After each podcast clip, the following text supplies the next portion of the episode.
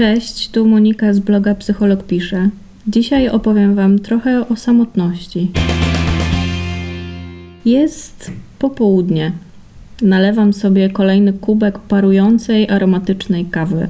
W pokoju tylko ja. Jest cicho.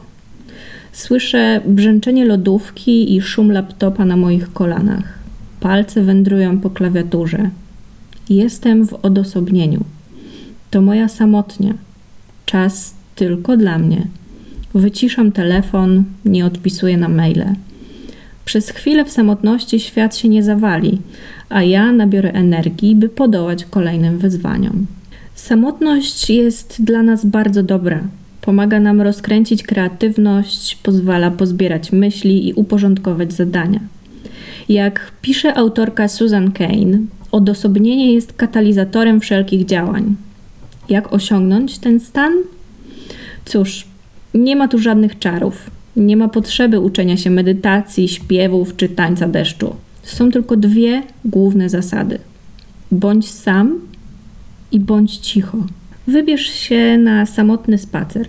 Posiedź w pokoju, rób to, co tylko tobie sprawia przyjemność.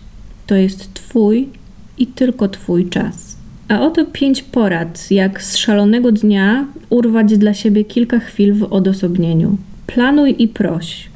Jeśli mieszkasz z kimś, porozmawiaj z nim o tym, że na przykład co sobotę potrzebujesz godziny czy dwóch tylko dla siebie. Bliscy, którym na nas zależy, zrozumieją to.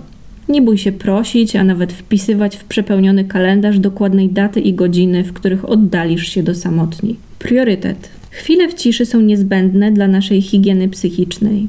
Tak jak co rano myjesz zęby czy bierzesz prysznic, nie zapominaj o swojej psychice. Zadbaj o nią tak, jak dbasz o ciało. Ucz.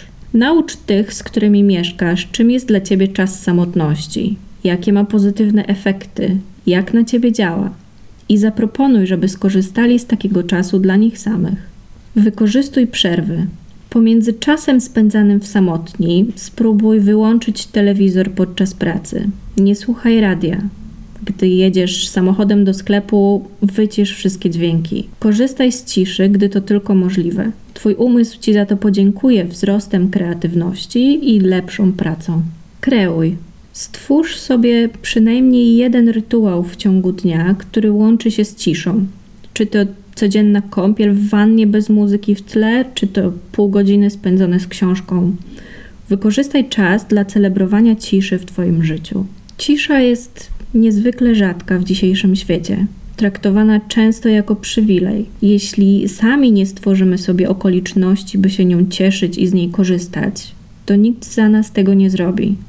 Jeśli nauczysz się być szczęśliwym w samotności, będziesz szczęśliwy już zawsze.